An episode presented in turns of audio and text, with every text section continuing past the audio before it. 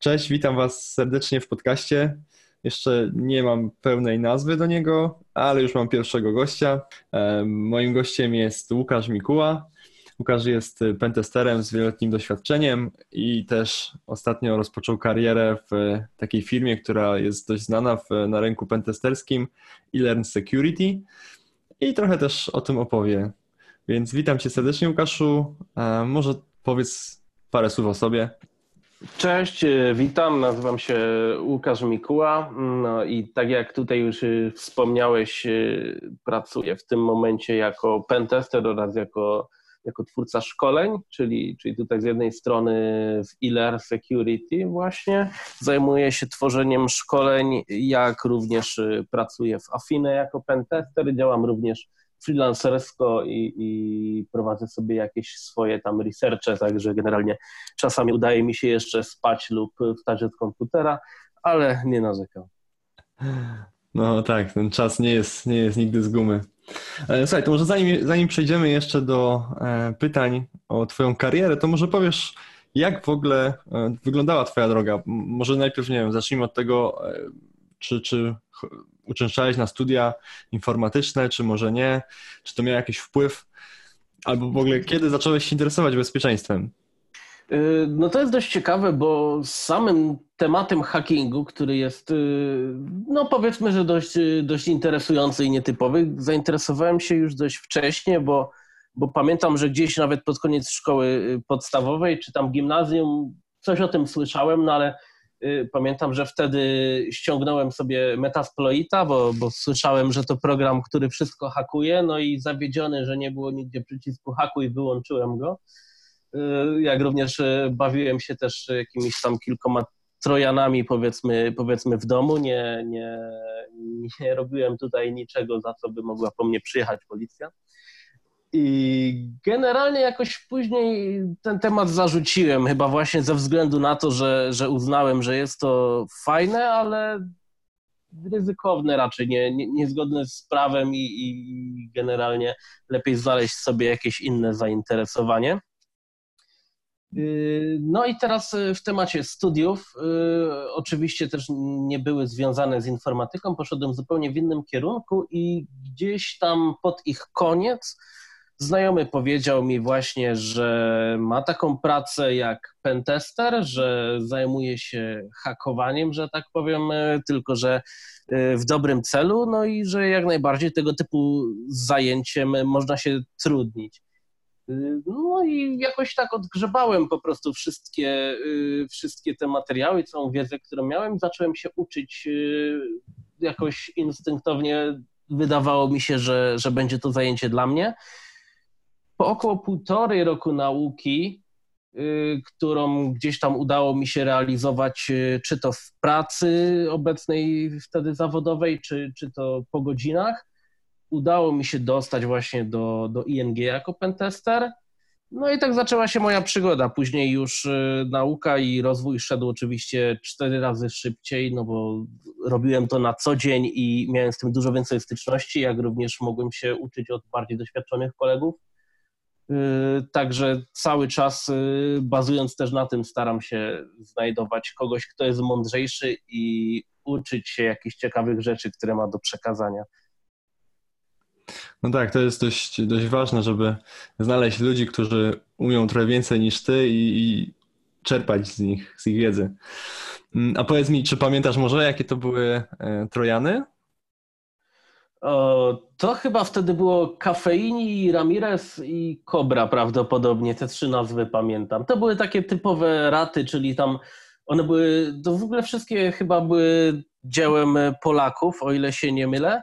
I one chyba standardowo słuchały na jakimś porcie tam, gdzie ktoś zainstalował serwer, natomiast klient, czyli osoba tam e, kontrolująca tego Trojana, miała takie GUI, w którym były takie różne funkcje raczej bym powiedział bardziej do trollowania y, kogoś niż do faktycznej krzywdy. Znaczy można było wykonywać y, komendy, ale tam na tych przyciskach pamiętam, że było otwórz jakąś stronę, wywróć monitor do góry nogami, otwórz CD-ROMa i tego typu rzeczy. Okej, okay, okej, okay. czyli, czyli takie bardziej for fun. No zdecydowanie, raczej gdzieś tam e, bawiliśmy się tym e, z kolegami między sobą, także Mhm. Także po prostu tylko, tylko do tego to było. No super. A powiedz mi, właśnie w swoim zawodzie, jak, jak uważasz, co jest takiego najfajniejszego? Bo, bo no, wiesz, będą nas słuchać ludzie, którzy myślą może albo nad tym, żeby zmienić pracę, albo żeby się rozwinąć w, w dziedzinie w ogóle security, mm, albo dołożyć jakąś swoją, dołożyć do tej wiedzy, którą już mają, właśnie tą cząstkę security. To jak uważasz, co jest takiego najfajniejszego w Twoim zawodzie teraz? E, dla mnie osobiście to chyba największy fan, że tak powiem, w tej pracy jest właśnie z rozwiązywania, że tak powiem, łamigłówek, bo tak naprawdę każdy pentest i każda podatność wiąże się z ominięciem jakichś zabezpieczeń, jakichś tam założeń, które ktoś z autorów oprogramowania systemu lub jakiegokolwiek innego tworu informatycznego nałożył i uznał, że tego nie da się zrobić. I dla mnie największą zabawą jest y, po pierwsze właśnie wgłębienie się w to, w jaki sposób ktoś y, zaplanował wszystkie ograniczenia, a następnie mogę uruchomić y, kreatywność i starać się właśnie wymyślić, o czym on nie pomyślał, co ja mogę zrobić, czego ten ktoś nie przewidział i czy to coś przyczyni się do właśnie tak zwanego obejścia zabezpieczeń. Więc tak w skrócie porównałbym to do rozwiązywania łamigłówek o specyficznym charakterze. Tak jak komuś może podobać się sudoku, tak mi się podoba pentestowanie, bo wiąże się właśnie z rozwiązywaniem specyficznego typu zagadek. No tak, no jest coś w tym faktycznie. Um, a powiedz mi, jakbyś mógł podpowiedzieć może jeszcze e, słuchaczom, czy jest taki zestaw e, umiejętności, jakieś skille, które są przydatne w pracy pentestera, tak z Twojego punktu widzenia? Na pewno dociekliwość, na pewno cierpliwość. To są chyba takie dwie podstawowe rzeczy. Mhm. Y, pentester podczas pracy, przynajmniej moim zdaniem, bo to jest coś, czym, czym ja się kieruję, powinien być w stanie zadawać y, sobie pytania dotyczące tego, co widzi, czyli jeżeli mam jakąś aplikację, to, to muszę sobie zadać pytanie właśnie, do czego ona służy, czy ja mogę zrobić to, czy, czy powinienem móc coś zrobić, jak to działa tam pod spodem, jakie to jest oprogramowanie, jakie są założenia tego systemu. I cały czas idąc w głąb, powinno się być w stanie znajdywać właśnie jakieś takie wątpliwości i starać się pracować nad nimi, bo, bo najczęściej z tego właśnie wynika możliwość przełamania zabezpieczeń, gdzie w pewnym momencie zadajemy sobie pytanie, na przykład w jaki sposób weryfikowany jest y, użytkownik, kiedy on się loguje i, i, gdzieś tam zadając kolejne takie pytania dochodzimy do tego, że, że na przykład y, hasło jest y, jakieś proste, ponieważ, ponieważ jest domyślne. O, taki prosty przykład. Także tu bym mhm. powiedział, że to są takie dwie najważniejsze cechy. No i kolejna jeszcze, chyba trzecia rzecz, o której nie wspomniałem, to, że moim zdaniem praca pentestera, ale chyba też, też każdego, każdego innego specjalisty w IT wiąże się z ciągłym uczeniem się. No bo jeżeli nie będzie się na bieżąco, te technologie wszystkie bardzo dynamicznie się zbierają. Raz, yy, przepraszam, zmieniają. Raz y, coś jest na topie, coś później wypada z obiegu, wchodzi nowa technologia, i generalnie, żeby być dobrym pentesterem, moim zdaniem trzeba być na bieżąco. Trzeba wiedzieć, y, jakie teraz są podatności, bo często wychodzą y, jakieś y, właśnie krytyczne błędy, których znalezienie faktycznie zmienia wszystko, że tak powiem, w penteście, bo możemy poinformować klienta, że ktoś może wejść do jego systemu frontowymi drzwiami bez pukania. E, także to jest, e, to jest chyba trzecia taka najważniejsza rzecz, żeby cały czas e, monitorować, co się dzieje, że tak powiem, w branży i uczyć się tych nowych rzeczy, które się pojawiają. No tak, żeby nie zostać w tyle, prawda?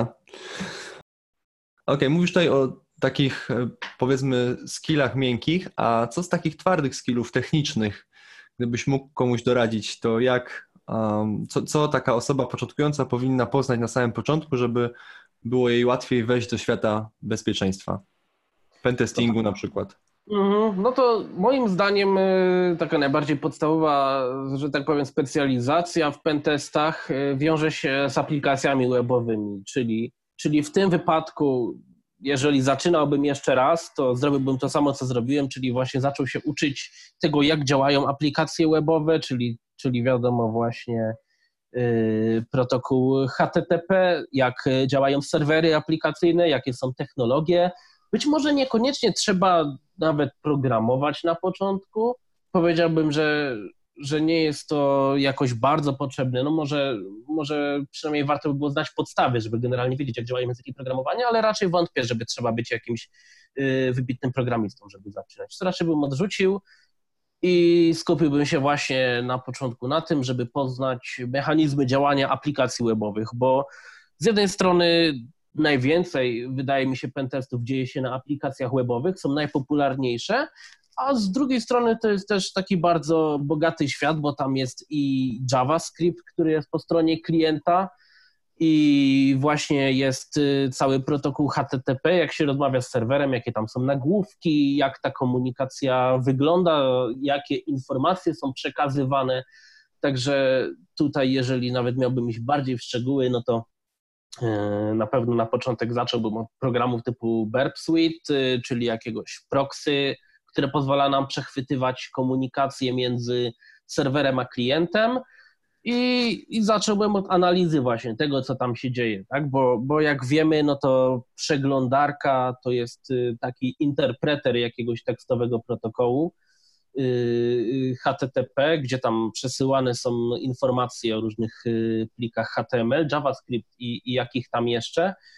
Przeglądarka nam to wszystko ładnie składa w jakiś widok zgodnie ze standardami, które są, które są powszechnie uznane. No i cała, że tak powiem, zabawa kryje się pod tą warstwą przeglądarki, czyli jeżeli wzięlibyśmy sobie taki Burp Suite i zaczęli analizować, jak wygląda ta konwersacja między serwerem a, a klientem, czyli nami przed przeglądarką, no to wtedy dopiero możemy dostrzec, jakie tak naprawdę informacje tam są wymieniane, o co pyta nas serwer, co my mu odpowiadamy i generalnie wszystko później już sprowadza się do zrozumienia i modyfikacji tej komunikacji. Ok, czyli wspomniałeś jeszcze wcześniej o tym, żeby cały czas się rozwijać i pozyskiwać nowe informacje. Masz jakieś takie swoje źródła, z których e, lubisz e, no, dowiadywać się o nowych podatnościach? E, ja osobiście śledzę Twittera. Znaczy, Twittera to jest bardzo ogólnie powiedziane. No, przede wszystkim zacząłem gdzieś tam kiedyś od czytania różnych blogów. Yy, spisywałem sobie tam mm, pseudonimy autorów, często mieli już od razu linka do Twittera, więc dodawałem sobie ich, żeby obserwować. Kiedy uznałem, że jakiś artykuł jest ciekawy, to przejrzałem, o czym jeszcze ten, ten autor pisze. Jeżeli mi się co podobało, to zaczynałem go obserwować na Twitterze i w taki sposób stworzyłem sobie yy, taki, taki po prostu skustomizowany newsfeed, że jak wchodzę na Twittera, Y, to mam tam konto tylko, tylko, że tak powiem, do security i mogę sobie codziennie czytać listę wszystkiego, co tam moi autorzy, y, którymi się zainteresowałem, y, piszą, prawda? Różne, różne artykuły, podają różne posty. Także ja głównie czerpię wiedzę stamtąd i ja myślę, że, że to jest na tę chwilę wystarczające. Oczywiście, tak jak powiedziałeś, mówimy tutaj o byciu na bieżąco, no bo wiadomo, że jeśli chodzi o tutoriale różnego typu, takie poradniki na start, to lepiej po prostu poszukać w Google. W tym momencie, moim zdaniem, w internecie jest tego naprawdę bardzo dużo i jest bardzo zróżnicowany poziom trudności, także, także na pewno każdy może znaleźć coś dla siebie. No ale z tego co wiem, no to również zajmujesz się prowadzeniem szkoleń, także może prostszą drogą jest y, przyjście również do ciebie po tą wiedzę. tak, tak, to taka mała kryptoreklama. E, no tak, to jest, tak jak mówisz, jest dużo, jest dużo źródeł. Mm, czasem się zastanawiam, czy nie aż za dużo, bo młodzi ludzie mogą ginąć w tych, tym nadmiarze informacji. Tutaj jakbyś mi pozwolił jeszcze, jeszcze ci przerwać, bo właśnie powiedziałeś y, fajną rzecz i to jest coś też, y, na co się natknąłem. Y, właśnie w kwestii nadmiaru informacji, to jest prawda, że też trzeba sobie selekcjonować w pewnym sensie te informacje. Ja osobiście robię to tak, że kiedy zaczynam szukać informacji na temat jakiegoś zagadnienia, to najpierw staram się określić tak jakby jego granice, czyli jeżeli chciałbym się na przykład nauczyć podatności XSS, to najpierw wypisałbym sobie kilka zagadnień, które się pojawiają. Na przykład, jeżeli ktoś by to zrobił teraz, to dowie się, że tam są ataki Start XSS, że jest y, Reflected XSS i że jest jeszcze DOM-based. I stworzyłbym sobie takie punkty, że właśnie takie są trzy zagadnienia i szukał informacji na, tylko na temat tego. I teraz w momencie, kiedy znajduję informacje, które się zaczynają już pokrywać, to ja sobie takie tutoriale odrzucam żeby po prostu nie oszukiwać samego siebie i nie czytać y, tego samego cztery razy, no bo y, wiadomo, też nie jesteśmy komputerem i, i prędkość przyswajania wiedzy przez człowieka jest ograniczona, a każdy jest zapracowany. Także tutaj właśnie y, też biorąc pod uwagę, że dużo tych tutoriali jest dokładnie o tym samym, a często są też jakieś kopie i plagiaty, warto sobie na początku, przed podjęciem nauki jakiegoś zagadnienia, zrobić taki plan, nawet troszeczkę na oślep, bo sam też tak robię i, i zebrać po prostu, co nas interesuje, zebrać sobie jakieś artykuły i odrzucić te, które się powtarzają, bo stracimy mnóstwo czasu, nie nauczymy się niczego, a, a będziemy czytać o tym samym. Czasami niestety, nawet jeżeli wszystkie trzy blogi na ten temat jakiś, który sobie znajdziemy, wyglądają bardzo schludnie i są przejrzyście napisane, no to niestety musimy wybrać y, tylko jeden, no bo inaczej nic nowego się nie dowiemy, tylko równie dobrze moglibyśmy sobie iść poczytać w tym czasie gazetę lub, lub obejrzeć film, będziemy czytać cały czas to samo. To jest świetny tip, to jest e, naprawdę fajna, fajna podpowiedź dla ludzi. Mm, bez takiego planu to faktycznie można się trochę zagubić w tym wszystkim. Z tego co wiem, pracujesz w takiej firmie Elan Security. To jest, e, z tego jak ja znam tą firmę, no to ona dostarcza szkolenia i też certyfikaty z różnych dziedzin bezpieczeństwa i są tam też laby, na których ludzie mogą ćwiczyć. I są dość, no i te materiały są dość ciekawe. Powiedz mi, jak y, trafiłeś w ogóle do tej firmy? Poniekąd, poniekąd było to z przypadku, bo odbywała się rekrutacja i wszystkie osoby, które aktualnie posiadały jakikolwiek certyfikat y, z tej firmy, zostały do tej rekrutacji zaproszone drogą mailową, tak samo jak, jak przychodzą różne inne ogłoszenia o, o, o nowym kursie lub, lub informacje handlowe. Była tam do wypełnienia taka ankieta techniczna składająca się z pytań sprawdzających wiedzę z zakresu security. No i coś mnie, coś mnie natchnęło, żeby tę ankietę wypełnić. Ja nawet nie planowałem zmiany pracy wtedy, ale postanowiłem, że sprawdzę się z wiedzy, więc wysłałem ją. No i po jakimś czasie skontaktowano się ze mną. Był pierwszy etap rekrutacji, drugi. Zostałem zaproszony do współpracy i ostatecznie wybrałem to ze względu też, y, też y, na bardzo wygodną formę, czyli pracę zdalną, bo, bo jednak moim zdaniem praca zdalna jest, jest bardzo fajna ze względu na elastyczność, y, którą daje. Oczywiście to też jest moja osobista preferencja, bo na przykład są osoby, które preferują pracę bardziej w, w otoczeniu ludzi. Ja, ja lubię czasami się zamknąć w piwnicy, także, także mi to pasuje. E, no i tak, to, to też tutaj był czynnik, który mnie bardzo do tego zachęcił. Wspomniałeś tutaj o pracy zdalnej. E, jak uważasz, czy to jest przyszłość, czy firmy coraz częściej chcą takich pracowników zatrudniać zdalnie? Jak, jak to wygląda też u Ciebie? Mi się wydaje, że to się robi coraz bardziej powszechne, przynajmniej w branży IT, taka praca zdalna. Czy wiadomo, że tutaj też jest to kwestia preferencji osobistych, bo, bo niektórzy wolą e, siedzieć z ludźmi e, cały czas, że tak powiemy. Niektórzy wolą pracować e, w skupieniu, gdzie ta praca zdalna oczywiście daje taką większą możliwość, wydaje mi się, w porównaniu na przykład do open space'ów, które też są modne w dużych firmach. Ale tak, zresztą patrząc na oferty pracy, które pojawiają się w IT, nie tylko mówię tutaj o pentestach, czy tam, ale także o, o ofertach dla programistów, coraz częściej e, widzę po prostu nawet już w samym ogłoszeniu o pracę, że jest możliwa praca zdalna. E, na pewno dla pracodawcy jest to korzystne, bo pozbywa się pewnych kosztów. E, wiadomo, że jeżeli mamy pracowników zdalnych, no to możemy wynająć mniejsze biuro, mniej płacimy za prąd y, i, i tak dalej. Także y, na pewno, na pewno też jest to oszczędność dla pracodawcy, a jeżeli dla ludzi wiąże się to z wygodą, to moim zdaniem dlaczego by tego ludziom nie umożliwiać? No, jesteśmy dorośli, więc wydaje mi się, że nie ma tutaj potrzeby patrzenia nikomu na ręce, czy on w tym domu faktycznie y, pracuje tyle, ile powinien, czy nie. Praca w IT często wiąże się z zadaniowym trybem pracy, więc łatwo możemy sprawdzić, czy, czy ktoś zrobił to, co powinien zrobić. W związku z tym, przynajmniej ja bardzo bym chciał, żeby, żeby oferty pracy zdalnej z punktu widzenia potencjalnego pracownika, żeby rozwijały się i żeby było ich coraz więcej, bo, bo dla mnie jest to y, sytuacja win-win dla i pracodawcy, i pracownika. To jest, y, no to jest przyszłość moim zdaniem, bo no, ta nasza praca niekoniecznie musi być związana z tym miejscem, w którym siedzimy. Wiem, że teraz y, jest też taki popularny trend, że wielu ludzi na przykład y, pracuje podróżując jednocześnie. Wystarczy im tylko możliwość podpięcia się do sieci na krótką ilość czasu, żeby gdzieś tam być może wysłać wyniki swojej pracy, zwłaszcza jeżeli na przykład mówimy tu, o programistach, czy nawet poza branżą IT jest dużo zajęć, które w ten sposób mogą wyglądać. Na pewno to są też dodatkowe perspektywy i i możliwość e, czerpania dodatkowej frajdy, że tak powiem, z życia e, również podczas okresu, kiedy nie jesteśmy na urlopie, no bo jeżeli ktoś ma taką możliwość, dlaczego nie, nie mógłby na przykład e, pracować tydzień z Hiszpanii, a, a później tydzień z jakiegoś tam innego jeszcze kraju.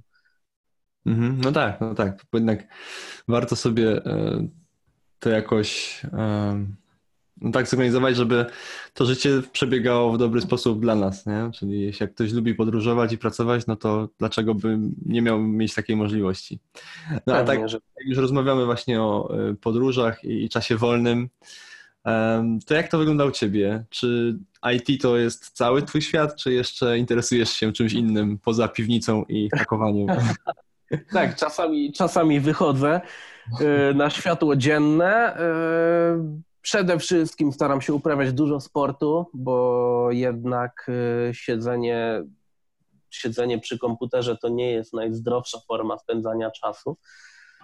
Y, także tutaj przede wszystkim właśnie staram się gdzieś ruszać, czy to wyjść na świeże powietrze, na przykład w góry, czy na treningi, jak na przykład y, brazylijskie jiu-jitsu. Niestety ostatnio mam strasznie mało czasu, ale, ale jak tylko mogę, to, to przychodzę na matę i staram się Y, coś zrobić. No poza tym staram się też zwiedzać, y, że tak powiem, i, i, odwiedzać różne miejsca. Być może nie są to jakieś dalekie zagraniczne wojaże, ale kiedy tylko mam jakiś tam wolniejszy weekend, to, to bardzo chętnie wsiadam w auto i, i jadę sobie w jakieś miejsce po prostu zobaczyć, zobaczyć jak tam jest. Okej, okay, czyli tak zwiedzasz i zgłębiasz horyzonty Czyli nie tylko, nie tylko praca, praca, praca. A powiedz mi, bo mówiłeś o siedzeniu i że to nie jest e, idealna, idealna pozycja do pracy. Testowałeś może e, pracę na stojąco?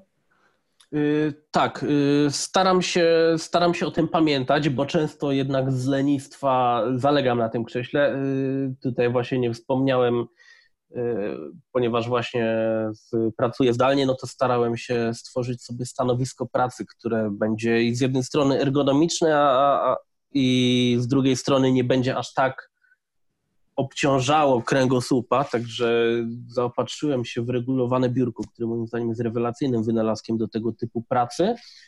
I kiedy tylko o tym pamiętam, to staram się właśnie część dniówki pracować po prostu stojąc. I masz takie biurko z Ikei, jakie na korbkę, czy już bardziej advance? Elektryczne, szczerze mówiąc, nie, nie, nie, pamiętam, gdzie je kupiłem. Jakieś firmy, musiałem je później poskładać. To było kolejne wyzwanie, ale udało się bez, bez uszkodzenia biurka i reszty mieszkania, także to jest plus. Takie Lego dla dorosłych. Trochę tak, ale jakoś tak jak wspominam, Lego to, to wiązały się z większą rozrywką, a skręcanie mebli zdecydowanie nie jest moim ulubionym zajęciem. ale tak, y, polecam, polecam generalnie pracę na stojąco. Przynajmniej, przynajmniej dla mnie to działa. Po pierwsze właśnie, że czuję się troszeczkę bardziej mobilny, jeżeli mogę to takim słowem określić nie taki, nie taki rozleniwiony e, siedząc na tym krześle. No a druga kwestia jest taka, że na pewno kręgosłup też e, cieszy się, kiedy stoimy, bo, bo z tego, co się orientuję, to chyba postawa siedząca jest najbardziej obciążająca, zwłaszcza tam dla odcinka lędźwiowego, także, także pomimo tego, że jest to wygodne, to, to wcale niekoniecznie jest to najzdrowsze. Nie jest najzdrowsze. Tak, też gdzieś słyszałem, że ludzie nie, nie byli stworzeni i nigdy tak przez całe życie no, po prostu nie siedzieli. Więcej musieli albo, albo stać, albo leżeć. Nie, nie było takiej formy Dokładnie. siedzącej. No, Łukasz, a powiedz mi, jak w ogóle wygląda Twoja przyszłość? Czy jest jeszcze coś, co chciałbyś zrobić w branży? Um, może się rozwinąć w jakiejś technologii? Jak, jak to widzisz e, u siebie? Zdecydowanie jest jeszcze bardzo dużo rzeczy, których y, chciałbym się w zakresie security dowiedzieć czy, czy nauczyć. Y, przede wszystkim ja mam takie podejście, że, że kiedy już uda mi się osiągnąć jakiś tam cel, który sobie wcześniej wyznaczyłem, to bardzo szybko znajduję sobie jakiś nowy i staram się również do niego dążyć i tak to, tak to leci już, y, już któryś rok. Także nauczyłem się już pewnych rzeczy, ale oczywiście jest jeszcze bardzo dużo różnych innych y, technologii czy, czy możliwości eksploitacji, o których chciałbym się też wiele dowiedzieć. Y, na pewno chciałbym prędzej czy później wystąpić na jakiejś konferencji, najpierw krajowej, być może kiedyś zagranicznej. No, a żeby wystąpić na takiej konferencji, no to z kolei trzeba by mieć jakiś ciekawy temat, o którym można by opowiedzieć. Y, stąd też robi mi się od razu drugi cel, znaleźć taki temat, zgłębić go i zaprezentować w atrakcyjny dla słuchacza sposób, tak żeby jeszcze ktoś coś z tego wyniósł poza, poza siedzeniem 45 minut.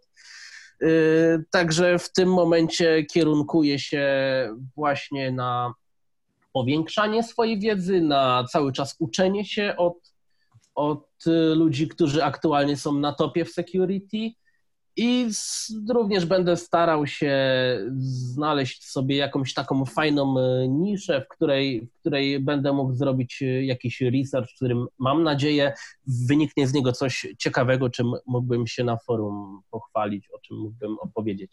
Okej, okay, no to widzę, że masz super plany. Trzymam kciuki za, za, twoje, za realizację Twoich celów. A powiedz mi, Łukaszu, czy są jakieś podatności, które Cię w ostatnim czasie z, no, zaskoczyły? Coś ciekawego znalazłeś? Coś, coś oczywiście, o czym możesz e, powiedzieć? No, jak wiadomo, w tej branży e, nie za bardzo można mówić z konkretami, więc tutaj wszystko musi być bardzo zanonimizowane. Na przykład jedna z podatności, która ostatnio zwróciła moją uwagę, to była podatność typu template injection E, czyli w tym momencie sprowadza się to do wykonania kodu Java, nie JavaScriptu, tylko, tylko już samej Java po stronie serwera, po wpisaniu odpowiedniego ta, tak zwanego wyrażenia w formie expression language, to jest taka y, szczególna forma wyrażeń Java, która może być dynamicznie ewaluowana po stronie serwera. I Wykonanie tego kodu Java nie było oczywiście takie proste, że, że napisałem sobie kod, tylko, tylko było tam również kilka jeszcze przeszkód po drodze, między innymi niektóre znaki, jak na przykład y, cudzysłowy czy tam apostrofy nie były dozwolone, więc musiałem tak jakby również y, wywołać je z Java z poziomu y, znaków ASCII.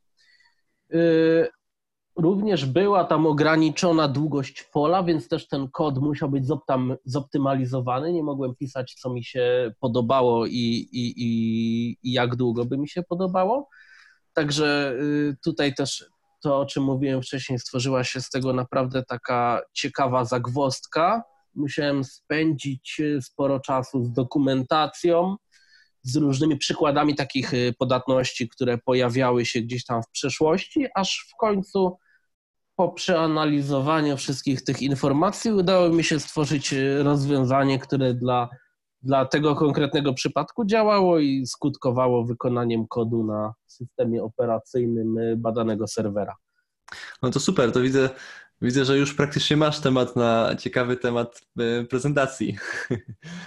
No właśnie, tu jest, tu jest właśnie ten, ten problem z, z niemożliwością podawania konkretnych e, przykładów, a, a często te prezentacje wymagają e, jakiegoś case study. Także tutaj to by, to by było wszystko ok, gdybym znalazł to na przykład w jakimś rozwiązaniu komercyjnym vendora i sobie wystawił CVE. Wtedy bardzo chętnie myślę, że w sumie jest to, jest to jakiś pomysł. Być może, być może też się zastanowię, bo, bo ta klasa podatności jest mi bliska z uwagi na to, że jest nietypowa i za każdym razem robi się ją troszeczkę inaczej. Także myślę, że tu jest też dużo, dużo ciekawej wiedzy, którą można by zbadać właśnie przy podatnościach typu template injection. Czyli, czyli można powiedzieć, że to jest jedna z Twoich ulubionych podatności? Na pewno, no, jak każda inna, z której da się później wykonać kod na systemie. Wszyscy pentesterzy lubią takie podatności, tylko tak. jest dość rzadko, rzadko spotykana. To, to jest y, właśnie to. Tak, takie święte grale z RC. Mhm. E, okej, okay, Łukasz, słuchaj, będziemy powoli kończyć. Powiedz może jeszcze, jak ludzie mogą Cię znaleźć? Y, no, jeżeli, jeżeli ktoś ma jakieś pytania lub, lub chce o czymś pogadać, to, to oczywiście bardzo chętnie. Y, myślę, że LinkedIn jest y, najlepszym miejscem, żeby mnie znaleźć. Okej, okay, to do Twojego profilu tam umieścimy linki w notatkach do tego podcastu. Słuchaj, Łukasz, to w, z mojej strony to wszystko. Ja bardzo Ci dziękuję za rozmowę. Również Myślę, dziękuję. Myślę, że spodoba się ludziom i, i e, na pewno do Ciebie też uderzą z jakimiś pytaniami. Życzę Ci, żeby Twoje plany się ziściły i powodzenia w kolejnych projektach. Trzymaj się. Dzięki wielkie, wzajemnie i na razie.